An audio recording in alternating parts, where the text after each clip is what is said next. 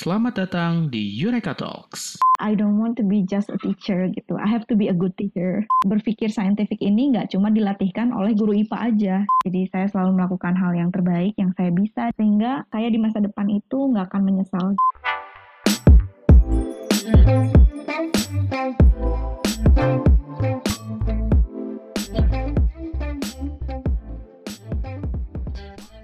Selamat datang kembali di Eureka Talks. Topik kita di episode kali ini adalah pendidikan sains.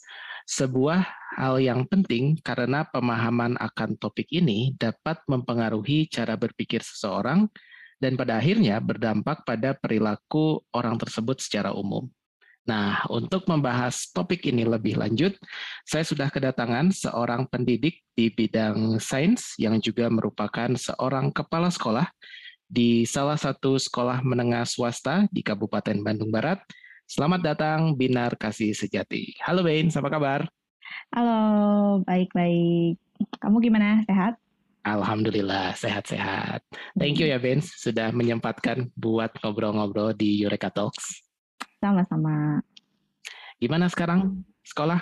Um, sudah balik lagi offline atau masih ada adjustment? Tentu saja ada adjustment every mm-hmm. day sekolah tapi udah mulai offline yang pulang hmm. pergi yang asrama juga udah mulai ke sekolah kita hmm. juga masih hybrid juga ada hmm. siswa yang di luar negeri ada yang di Jepang hmm, di Arab jadi mereka juga nggak pulang jadi kita siapkan semua uh, moda ya ada moda hmm. offline online moda hybrid juga mantap mantap mantap oke okay, Benz uh, hari ini kita bakal ngobrol soal pendidikan sains ya uh, sesuatu okay. yang uh, cukup penting dan uh, kayaknya kamu sudah berkecimpung di sana sudah cukup lama ya. nah tapi sebelum ke sana uh, flashback dulu nih sedikit. Uh, Binar Kasih Sejati adalah seorang uh, sarjana pendidikan, oh sorry, master, magister pendidikan uh, di bidang uh, pendidikan IPA. Nah, tapi sebelum itu kan S1-nya juga pendidikan IPA. Nah, Ben, uh, lulusan IPSI, International Program on Science Education. Kenapa akhirnya kuliah di UPI dan memilih IPSI yang padahal pada saat itu prodi yang baru buka? Ya, ada cerita menarik sih soal hmm. si uh, kenapa saya juga uh, join IPSI ini. Betul, hmm. waktu itu tuh IPSI International Program on Science Education ini uh, benar-benar baru banget, belum hmm. ada alumninya, jangankan alumni, belum ada mahasiswanya. Ya. Yeah uh, tapi udah kayak nekat gitu milih itu. I was hmm. there with my mom. Uh, my mom is also a teacher, a math teacher. Mm -hmm. Jadi hmm. kita uh, waktu itu milih ke UPI ada jurusan uh, tadinya mau matematika because my mm -hmm. mom is math teacher. Jadi oh. ya udahlah uh, ikut matematika and I love math too. Mm -hmm. And then I found we found something yang menarik nih kayaknya wah uh, kan dulu lagi rame RSPI juga gitu. Jadi oh, iya, kayaknya benar, ini uh, sesuatu yang beda baru mungkin juga peluangnya akan tinggi gitu internasional hmm. uh, juga and uh, science juga I love science too back then hmm. jadi uh, terus seleksinya juga lebih ketat ya dibanding yang lain ada wawancaranya juga gitu yang Betul. IPSI ini jadi hmm. I feel challenge and hmm. oke okay, saya uh, ikut akhirnya IPSI uh, keterima hmm. tapi uh, masih di hold dulu karena ikut ujian yang lain ternyata hmm. saya juga keterima di HI UGM Wih, internasional UGM. Iya, iya, iya. Waduh, ya. wah itu a big dilema sih. Jadi uh, milih antara uh, di Bandung atau di hmm. Jogja, hmm. Uh, international science atau hubungan internasional, international affair gitu. I see, I see. Jadi uh, both are great gitu ya. Yep. Terus uh, akhirnya minta petunjuk, ngobrol juga. Hmm. Uh, karena orang tua juga ingin tetap di Bandung akhirnya di UPI and I love education so far. I see, I see. Jadi okay. I reject HIUGM ya, yang banyak orang yang beneran kamu nggak kuliah di situ nggak ngambil itu ya sampai sekarang suka ditanya kayak kaget orang-orang tuh hmm. Eh, nggak hmm. uh, diambil tapi ya that's the best decision I see I, I see alright so talking about best hmm. decision berarti selama kuliah di IPSI kira kira-kira apa aja nih values sama wisdom yang kamu dapat dan apakah hal-hal tersebut membuat kamu makin mantap buat akhirnya berkarir di dunia pendidikan, khususnya di pendidikan sains? Ya, uh, honestly, awalnya juga aku ragu ya. I have so much hesitation gitu ya. Will I be a good teacher? Mm-hmm. Will I be a teacher? I see. Uh, gak, yakin juga uh, bakal jadi uh, guru. Mm-hmm. Tapi setelah menjalani gitu ya, ketemu dengan dosen-dosen yang hebat, mm-hmm. empowering, mm-hmm. motivating juga, terus uh, ilmu-ilmu yang saya dapetin gitu ya. Jadi pendidikan itu juga bukan hanya konten, tapi juga ada uh, manusianya gitu. Yes. Jadi memang banyak uh, ilmu-ilmu tentang kemanusiaan gitu ya yang ada di dalam pendidikan, hmm. uh, pedagoginya, hmm. psikologinya dan lain sebagainya. Itu juga justru yang memperkuat. I think I will be here. Gitu. Ini this is the right track gitu. Jadi for me, uh, ya ini adalah hal yang bagus mm -hmm. uh, menurut saya gitu ya akan berguna. Mm insya Allah akan uh, banyak manfaatnya buat orang-orang di sekitar saya, hmm. buat saya sendiri juga gitu. Hmm. Dan akhirnya makin mantap gitu. Ketika lulus, hmm. uh, saya juga pernah ngomong sesuatu gitu ya. hmm. ya. Jadi if I want to be a teacher, I don't want to be just a teacher gitu. I have to be a good teacher. Mantap, mantap, mantap. Nah, apakah kemudian uh, apa namanya vows ya bisa dibilang janji atau mungkin tekad itu tadi hmm yang menjadi alasan mm -hmm. utama untuk kemudian lanjut ke jenjang magister atau mungkin ada alasan lain? Iya, uh, pada saat itu ya itu tadi juga ya uh, balik lagi ke wisdom yang aku dapetin ketika aku mm -hmm. kuliah S1.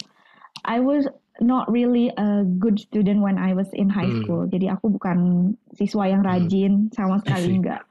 Aku bukan siswa yang suka belajar mm. gitu ya uh, karena mungkin aku belum menemukan uh, belajar yang enak buat see, aku gitu. Tapi ketika di S1, ih ternyata banyak banget hal yang belum aku tahu, banyak banget hal yang uh, luas gitu yang harusnya aku tahu dan aku yakin aku bisa hmm. gitu untuk tahu. Uh, berangkat dari situ juga mungkin cukup uh, haus ilmu ya kayaknya nggak cukup nih. Asli. Tapi I was not someone who is like that gitu ya, who was like that mm -hmm. when I was in high school. Tapi yeah. cukup ketika mau S2 itu uh, mau ngapain ya kan udah uh, kerja juga pas lulus hmm. S1 itu. Tapi kayaknya dari something more gitu. Hmm. Uh, haus ilmu sih dengan bertekad hmm. haus ilmu dan aku juga pengen mendalami sesuatu yang aku udah cintai, udah kagok uh, suka nih sama science education. Hmm. Terus jadi ya aku ambilnya linear uh, jurusan hmm. linear, jadi master hmm. degree-nya juga science education gitu. I see. So talking about something more, uh, Benz. Tadi hmm. kan uh, pada akhirnya memutuskan untuk uh, magister di pendidikan IPA. Ada nggak sesuatu yang memang digali lebih dalam? Kan pendidikan IPA tuh luas ya skupnya. Hmm. Yang memang jadi interest kamu, the the thing that you are interested the most among others gitu. Iya, uh, ada. Jadi memang karena uh, posisinya waktu itu aku juga udah kerja. Jadi ketika aku hmm. master degree itu bener-bener di recharge lagi terus bener-bener apa yang aku dapetin ketika uh, di perkuliahan master degree ini bener-bener hmm. bisa aku apply langsung di uh, kerjaan aku yang juga sebagai guru. Oh, Jadi kayak jalan beriringan terus apa yang aku alami di kelas juga bisa aku tanyakan gitu ke dosen-dosen gitu di kelas hmm. gitu ya uh, untuk jadi bahan diskusi juga supaya aku juga benar-benar dapat ilmu yang lebih luas lagi.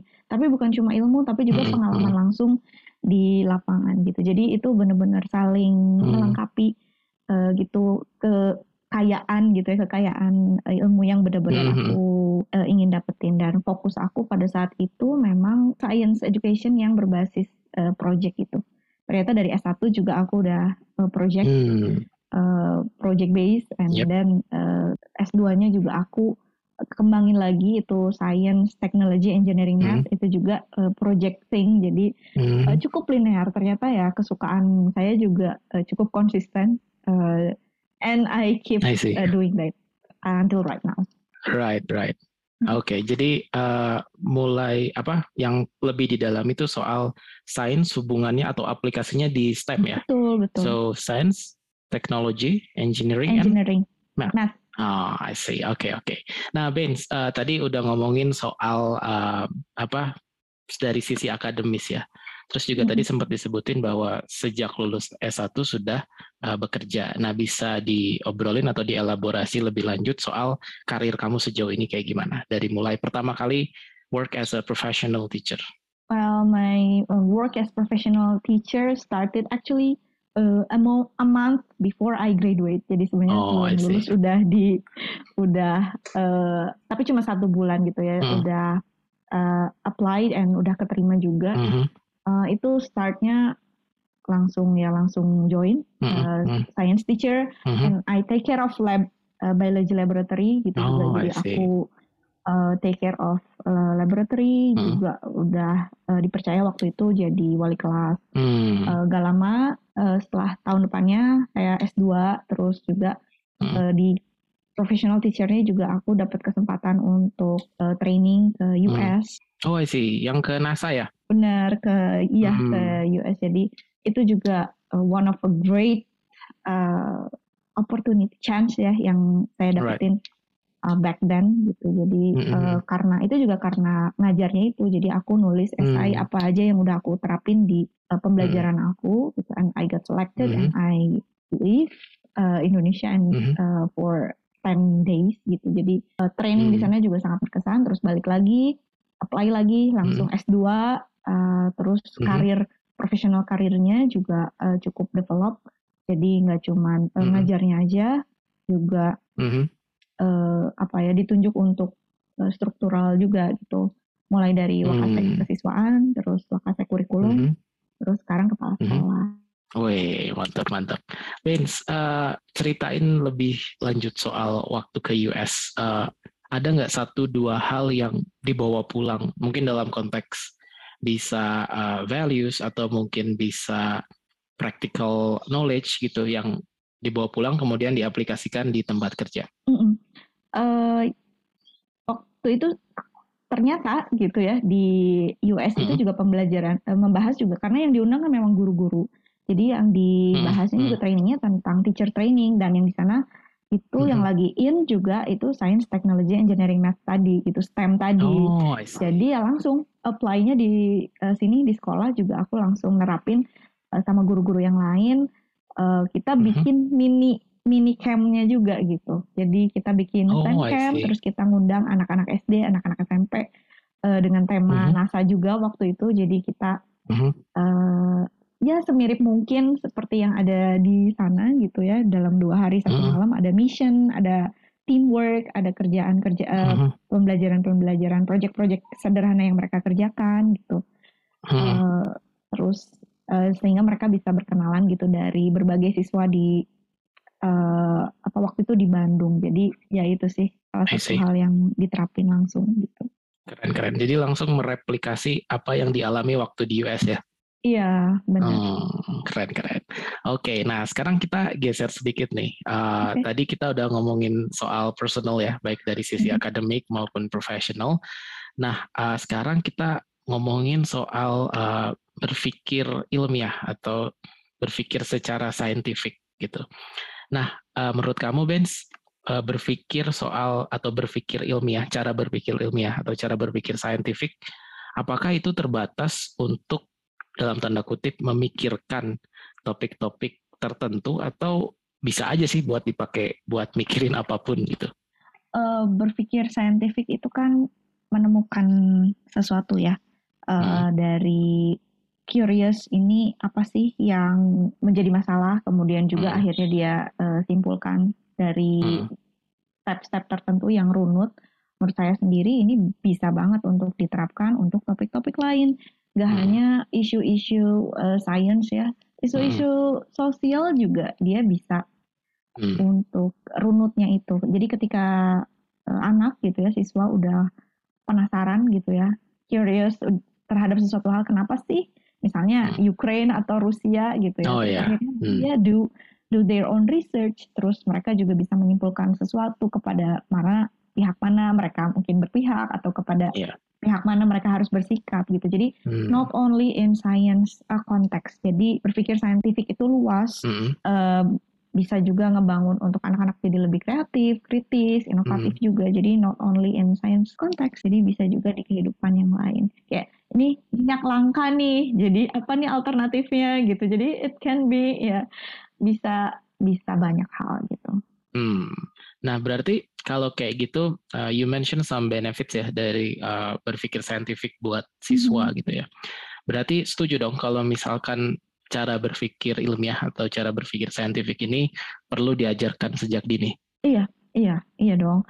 Hmm, kalau gitu baiknya sejak kapan? Hmm, ketika anak mereka sudah mulai bisa berpikir. Biasanya anak-anak kecil itu udah mulai, mah ini kenapa, itu kenapa, hmm. ini apa, itu apa. Nah hmm. itu kita bisa juga uh, bantu nih anak-anak berpikirnya gini loh. Uh, oh iya ini tuh ke sini terus nanyanya mungkin dulu ke orang tua dulu terus nanti hmm. diajarin juga cara mencari alternatif uh, yang lain gitu sehingga nanti ketika memutuskan sesuatu ketika anak hmm. udah bisa decision making mereka udah tahu gitu bahwa ada hal-hal yang mereka pertimbangkan sehingga mereka bisa memutuskan sesuatu jadi sedini mungkin uh, di hmm. uh, TK mungkin sebelum TK juga kalau udah uh, rajin udah pintar berbicara gitu ya atau udah mm-hmm. bisa berkomunikasi dengan baik gitu mm-hmm. itu juga uh, bisa mulai dilatihkan gitu. I see, I see. Menarik, menarik. Nah, uh, sekarang kalau misalkan konteksnya digeser ke sekolah gitu ya, mm-hmm. biasanya uh, apa sih kesulitan uh, yang dihadapi siswa saat mempelajari cara berpikir ilmiah gitu dan kira-kira apa sih solusinya yang bisa dilakukan dari pengajar supaya si siswa ini terbiasa dan nyaman dalam menggunakan proses berpikir ilmiah gitu, Ben? Uh, banyak sebenarnya. Kalau ditanya okay. masalahnya susah. Susahnya uh, anak-anak itu kalau udah when it comes to classroom itu banyak faktor. Yeah. Bisa hmm. faktor hmm. malas, mereka malas nyari. Bisa yeah. faktor uh, gak menarik topiknya, sehingga hmm. mereka juga nggak uh, interest gitu ya bisa nggak hmm. uh, kepancing gitu nggak kepancing untuk uh, mereka berpikir nggak kepancing untuk mereka hmm. bertanya sesuatu gitu atau okay. ya uh, ujian-ujian yang lain ya godaan-godaan yang lain buat anak-anak misalnya udah right. uh, sibuk apalah gitu ya udah yeah. pengen istirahat udah pengen apa itu yeah. when it comes to classroom there are so many uh, problems there are so many hmm. apa ya so many obstacles ya tapi right. itu nature-nya uh, ketika hmm. belajar juga dulu pasti kita ngalamin juga bosen kadang ya hmm. uh, tapi nature-nya yang bisa kita usahakan gitu ya sebagai pendidik gitu ya uh, harus pinter mancing nih jadi uh, mancing hmm. mancing mania ya harus pinter yeah. mancing anak-anak harus pinter yeah, yeah. eh guru-guru sorry guru-guru harus pinter mancing nih kira-kira uh, isu yang lagi menarik apa kemudian juga hmm. ditanya satu-satu supaya semuanya bisa hmm. fokus gitu ya it takes time hmm. pasti it takes time tapi right it's okay gitu ya. Kalau mau proses pembelajarannya semua uh, berjalan apa sesuai dengan tujuannya yang tadi diharapkan mm-hmm. anak-anak bisa berpikir mm-hmm. kritis, bisa menemukan suatu solusi, uh, semuanya mm-hmm. diajak. Kalau berkelompok, berkelompok. Mm-hmm. Kalau mau individu, individu mm-hmm. gitu. Tapi semua harus dilibatkan. Dan gimana yes. ya membuat uh, dua jam pelajaran itu di kelas ya uh, semenarik mungkin gitu ya. Bisa. Tapi sekarang kan sudah banyak juga ya media, sudah banyak juga right. metode, udah banyak contoh-contoh. Uh, yang bisa juga membuat uh, siswa lebih tertantang lagi. Mereka lebih challenge hmm. lagi untuk uh, berpikir ya. Kadang ada yang malas mikir gitu. Oh, udah ngikut teman aja. Nah, itu tuh bibit. Tapi itu uh, seninya. Menurut saya itu seninya dalam hmm. mengajar. Jadi uh, ada anak-anak yang nggak mau, oke okay, kita deketin. Hmm. Kalau ini gimana? Menurut kamu gimana? Open-ended question. Open-ended question. Hmm. That mostly works. Hmm, right, right, right. Oke, okay, nice point. Nah, Ben, terus uh, selanjutnya tadi setelah cari solusinya dan uh, nampaknya kan memang uh, menumbuhkan cara berpikir ilmiah ini sesuatu yang penting ya, hmm. baik dari sisi gurunya dan nantinya buat siswanya. Hmm. Sebenarnya uh, apa sih uh, manfaat berpikir secara ilmiah bagi siswa dan hubungannya dengan prestasi belajar mereka di sekolah tuh kayak gimana, Ben? Dan mungkin selain itu ke depannya setelah mereka mungkin nanti lulus dan uh, masuk ke dunia profesional apa juga kira-kira uh, manfaatnya dengan kemampuan berpikir ilmiah itu? Oke, okay. kalau hubungannya dengan prestasi ya, biasanya berpikir ilmiah ini sangat melatih logiknya mereka. Jadi karena hmm. berpikir ilmiah itu berdasarkan logik juga fakta, nggak hmm. bisa cuma logik, hmm. tapi harus ada fakta juga yang mereka pelajari. Right. Sehingga itu juga membuat mereka uh, biasanya cukup mahir gitu di pembelajar di pelajaran-pelajaran yang lainnya. Jadi bukan cuma hmm. oke okay di sainsnya, tapi dia juga logic mathnya udah jalan. Uh, jadi hmm. mathnya oke, okay, terus juga uh, mungkin runutan-runutan kayak uh, bahasa, pelajaran bahasa, hmm. sosial itu juga sangat berkaitan. Uh, jadi makanya berpikir saintifik ini nggak cuma dilatihkan oleh guru IPA aja, no. Jadi harus semua juga uh, melatihkan karena efeknya ya mungkin prestasinya mereka juga jadi bisa uh, membaca soal tuh benar-benar runut dari instruksi. Hmm. Kebanyakan anak hmm. tuh udah langsung pengennya baca pertanyaannya. Hmm. Padahal right. itu harus runut. Jadi harus dari instructionnya, uh, kemudian hmm. juga dibaca uh, pertanyaannya, kemudian dibaca pilihan jawabannya. Hmm.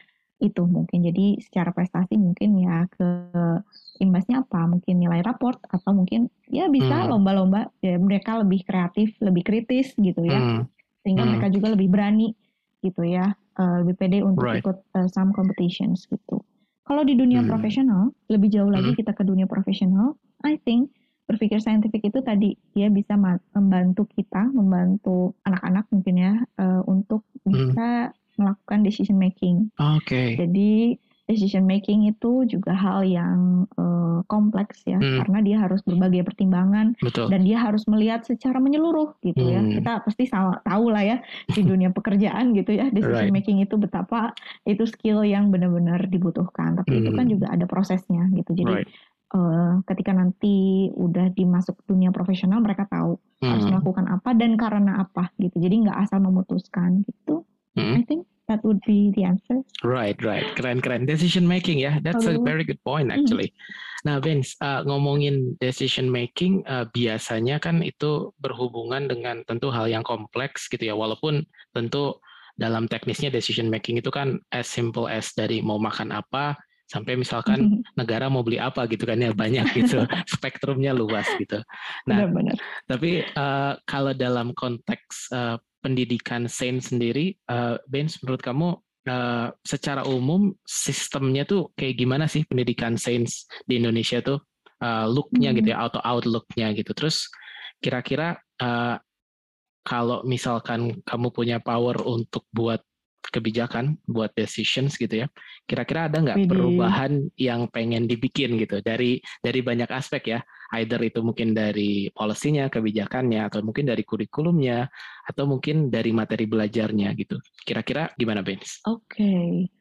well kalau pendidikan IPA sendiri, menurut aku hmm. sih pendidikan IPA ini kalau di Indonesia itu dia kayak motornya, dia sering okay. jadi pusat percobaan, dia sering jadi pusat uh, banyak pelatihan gitu. Jadi hmm. uh, kalau works di science, di yang lain juga works gitu, di pembelajaran yang lain works. Okay. Jadi bisa dibilang uh, pendidikan sains ini sangat apa ya krusial sangat penting gitu ya di hmm. dunia pendidikan dan aku lihat juga pendidikan sains di Indonesia juga udah berkembang ada istilah memang hmm. ganti menteri ganti kurikulum nah iya itu I can say it probably 80% true ya oke okay. jadi memang sebenarnya itu ada unsur kebenarannya ya banyak mm -hmm. benernya juga mm -hmm. ya walaupun mungkin berkelanjutan gitu tapi mm. zaman menteri A ada guru pembelajar jadi itu mm. semua mulai fokus nih pendidikan mulai fokus ke gurunya bahwa mm. kunci pendidikan adalah di guru mm. nah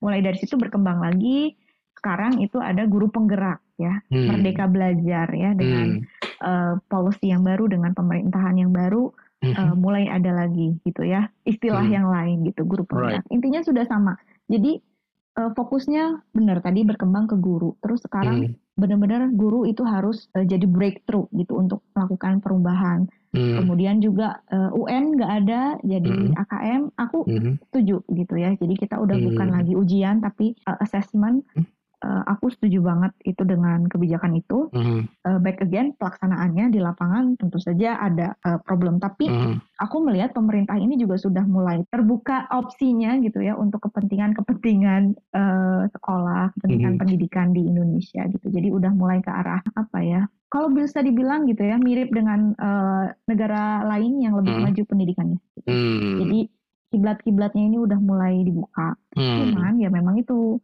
kendalanya banyak. Indonesia tuh luas gitu ya. Hmm. Tapi banyak uh, poin utama itu mungkin pemerataan pendidikan. Betul.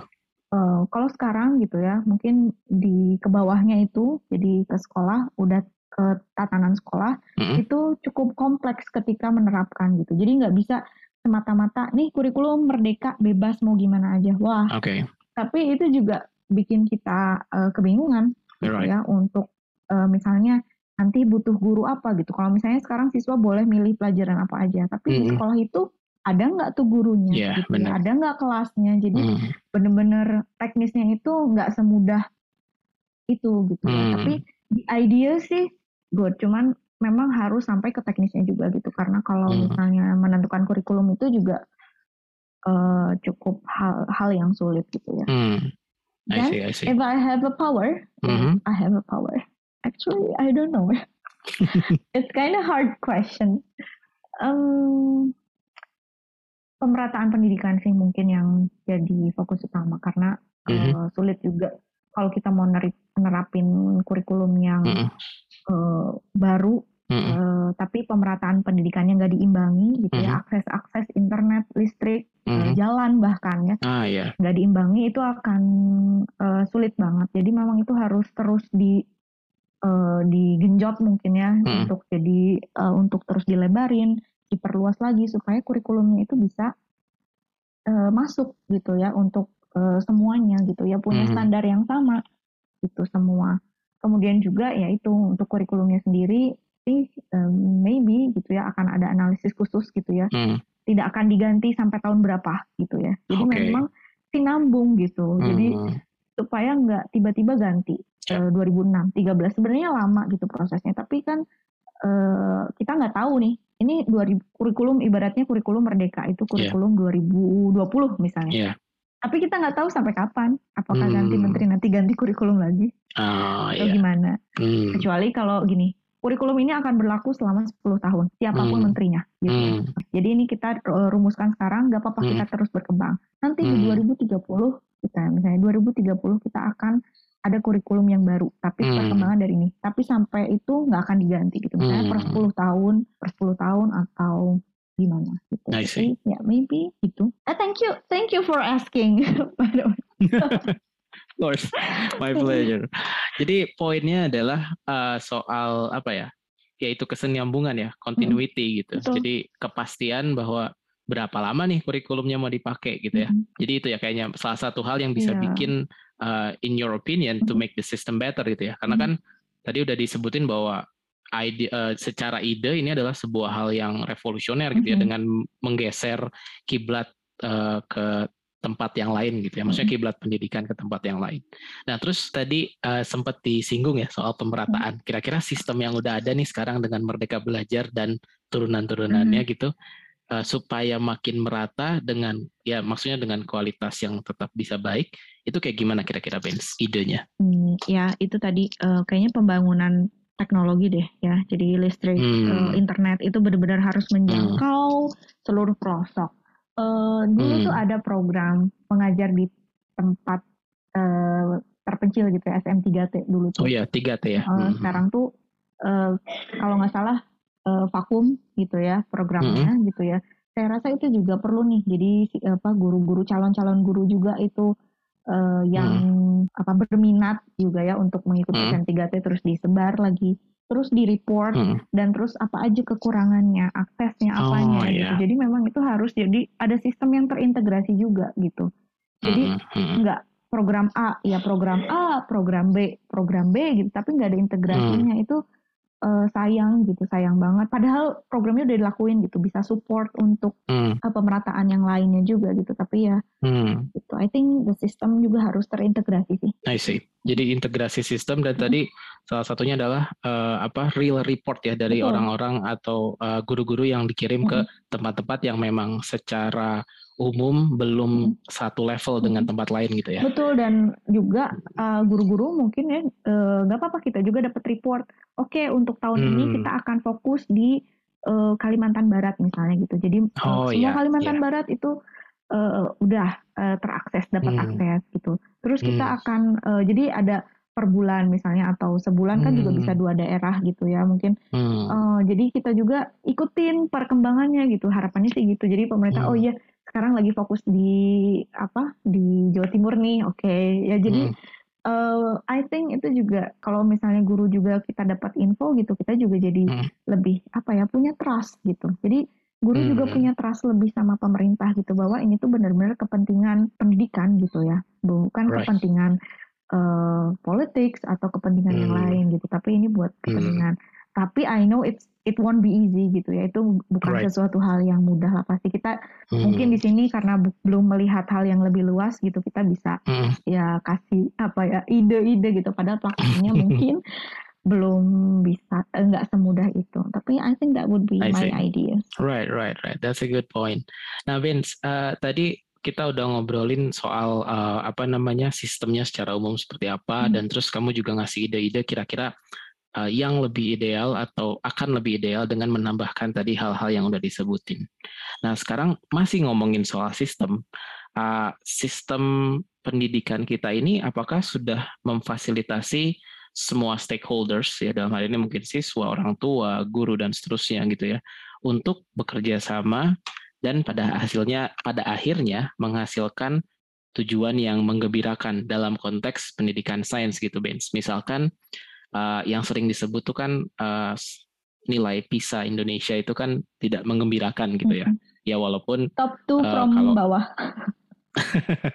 iya sih. Nah kira-kira balik lagi ke sistem, kira-kira kalau misalkan konteksnya adalah tujuan gitu ya, yang bisa uh, di apa yang bisa di uh, it can be measured uh, by many people. Mungkin salah satunya adalah PISA. Kira-kira hmm. sistem yang sudah ada ini apakah uh, bisa menaikkan salah satunya mungkin nilai PISA? Ya, yeah. uh, to me hopefully yes gitu. Karena kalau hmm. aku lihat juga, kalau aku perhatiin juga, uh, jadi pemerintah juga udah uh, melihat gitu bahwa skor pendidikan sains dan math juga di Indonesia itu uh, buruk ya gitu ya, kurang bagus. Hmm. Uh, kita nggak apa-apa lah, terima aja bahwa kita memang secara nilai memang kurang bagus gitu. Dan mereka Betul. udah mengganti, makanya ujian nasional UN itu udah hmm. nggak hmm. ada lagi. Karena memang itu beda banget sama soal-soal PISA gitu. Bener-bener uh, buku textbook gitu ya. Terus sekarang udah ada uh, eh, AKM itu yang baru. Jadi di tesnya itu literasi numerasi baca grafik dan lain sebagainya.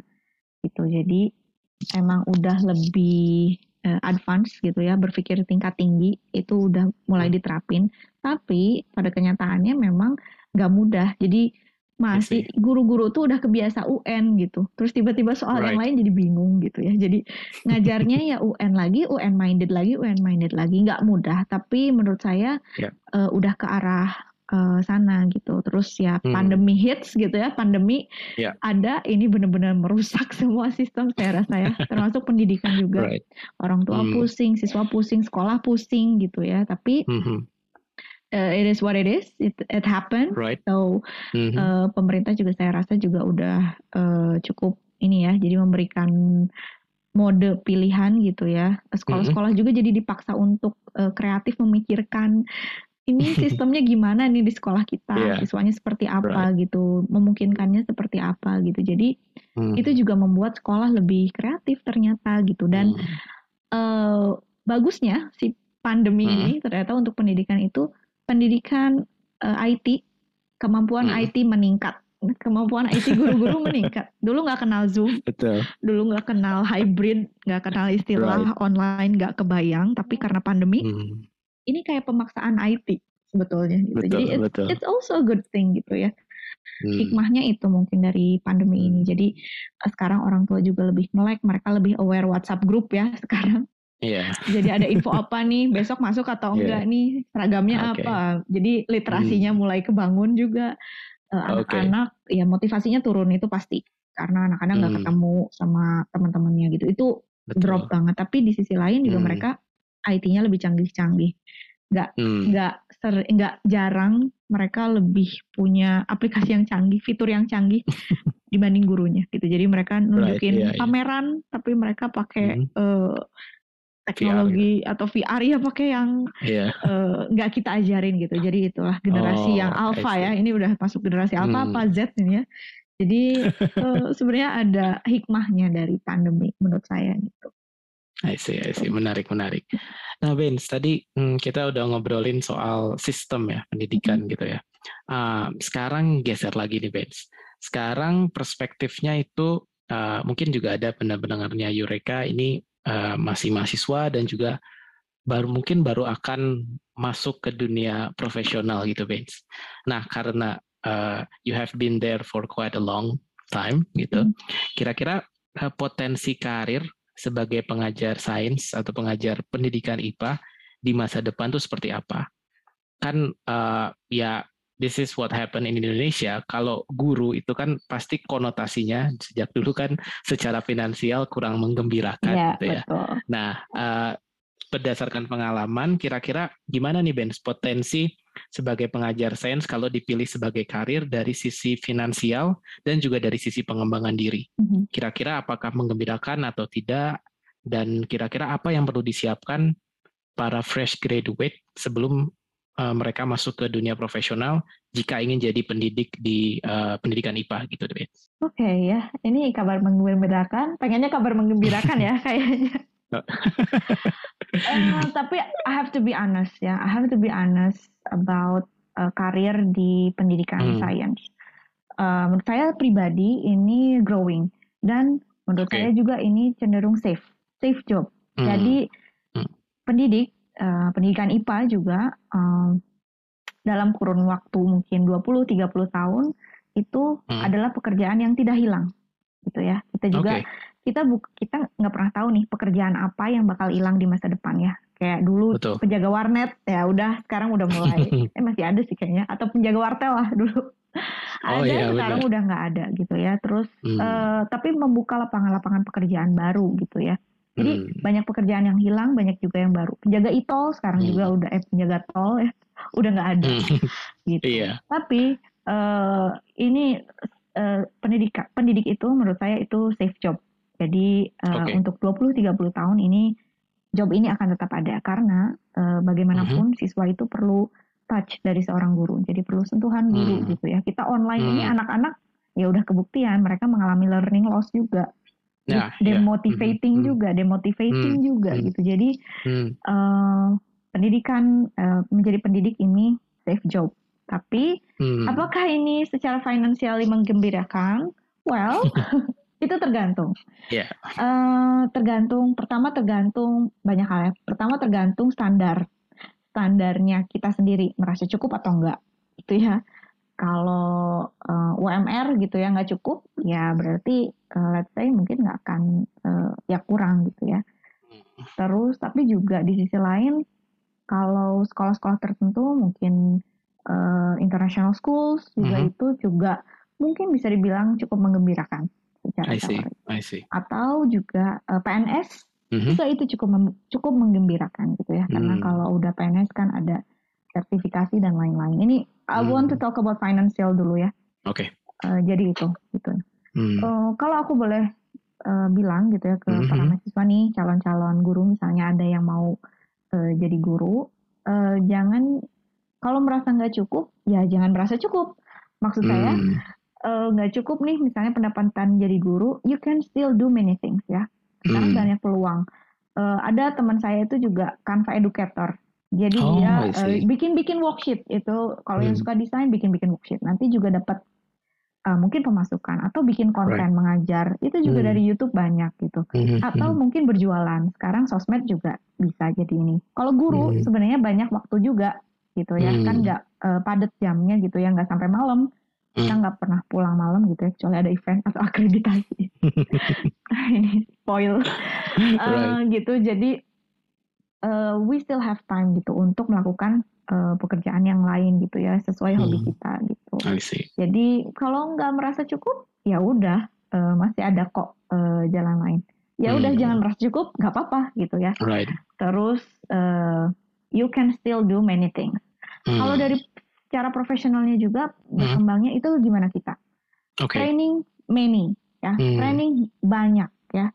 Terus seminar banyak di luar negeri, dalam negeri itu banyak. Lanjut S2, dapetin uh, kesempatan beasiswa itu banyak. Hmm. Tergantung dari kita.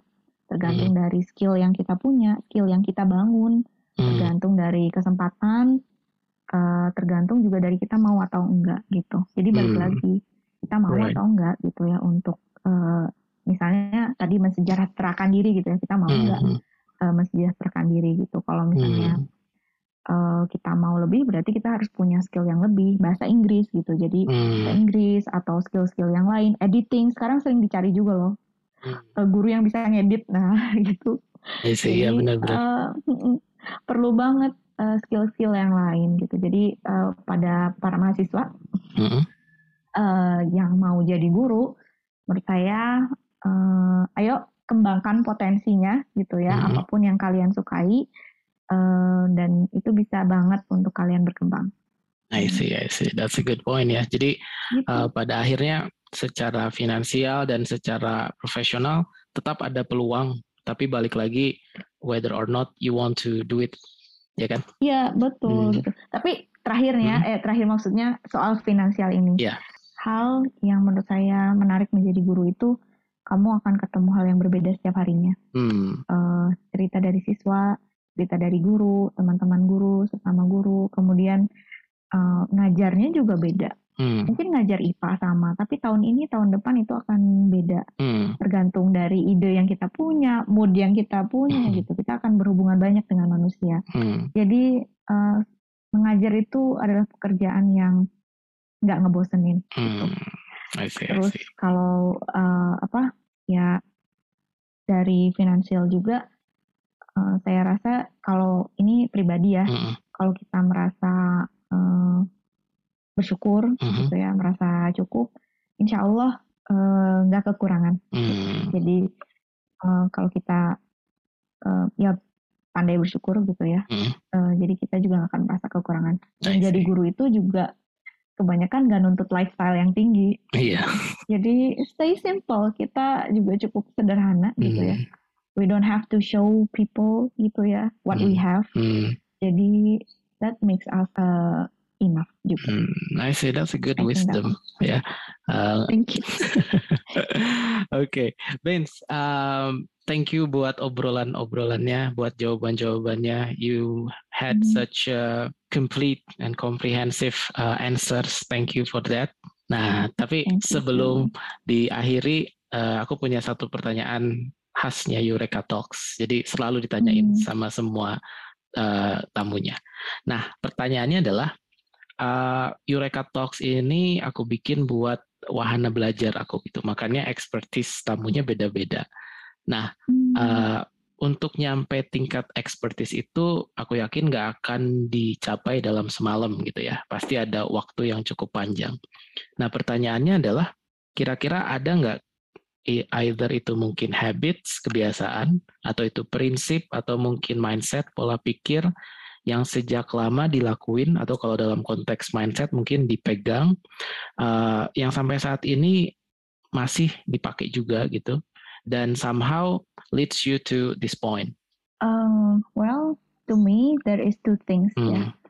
Uh, I don't really have a specific habit ya. Uh, I eat healthy food, I eat junk food. I eat jadi I do sports, I sometimes just lay down gitu. Mm. So I don't have really I don't really have a specific habit. Mm. But there is two things in me. Mm-hmm. Yang pertama, always do uh, my best jadi saya selalu melakukan hal yang terbaik mm -hmm. yang mm-hmm. saya bisa di detik mm -hmm. ini mm -hmm. juga sehingga saya di masa depan itu nggak akan menyesal gitu. Saya di masa depan justru akan berterima kasih kepada mm -hmm. saya di masa lalu karena uh, you have done great. Pada saat itu kamu mm -hmm. memang bisanya melakukan itu dan itu adalah oh. hal terbaik yang bisa kamu lakukan. Itu itu one thing. And right. the other thing gitu ya, uh, saya ingin jadi orang yang bermanfaat. Mm. Jadi um, ya mengajar hmm. gitu ya itu fulfill myself gitu ya bukan cuman saya bukan hmm. cuman hopefully ini hmm. uh, bermanfaat buat murid-murid saya gitu ya tapi ada hal lain gitu bahwa ini tuh saya hmm. menjadi bermanfaat itu adalah hal yang membuat saya uh, fulfill gitu jadi saya senang diajak hmm. uh, ngobrol seperti ini gitu aja jadi uh, mudah-mudahan ini bermanfaat gitu hmm. buat Eh, siapa pun yang mendengar gitu karena Amin. kita di uh, selalu melakukan yang terbaik hmm. yang di yang bisa dilakukan hmm. dan juga selalu berusaha bermanfaat hmm. gitu. I see, I see. Those are the nice uh, things to say dan ya benar to be the best ya karena kan ada yang bilang uh, diamond is diamond wherever they are gitu ya. Jadi kalau misalkan selalu ngasih yang terbaik di mana pun posisinya pasti kelihatan pada akhirnya. And diamond takes time. Hmm. Oh yeah, that's a good point. yeah. Betul, betul. Yeah. Need needs pressure, needs pressure. Right. Needs a long lot of time right. and so on. Unless yeah. it's only a carbon ya. Yeah. exactly. okay, Ben, thank you so much for your time and for your answer. Uh, terima kasih buat uh, sharingnya. Semoga uh, banyak yang mendengarkan dan menjadi terinspirasi dan bermanfaat juga buat para pendengar. Sekali lagi, yeah. thank you dan sukses terus uh, buat karirnya. Salam buat keluarga. Oke, okay. Yeah, see you Ben. Assalamualaikum. Waalaikumsalam.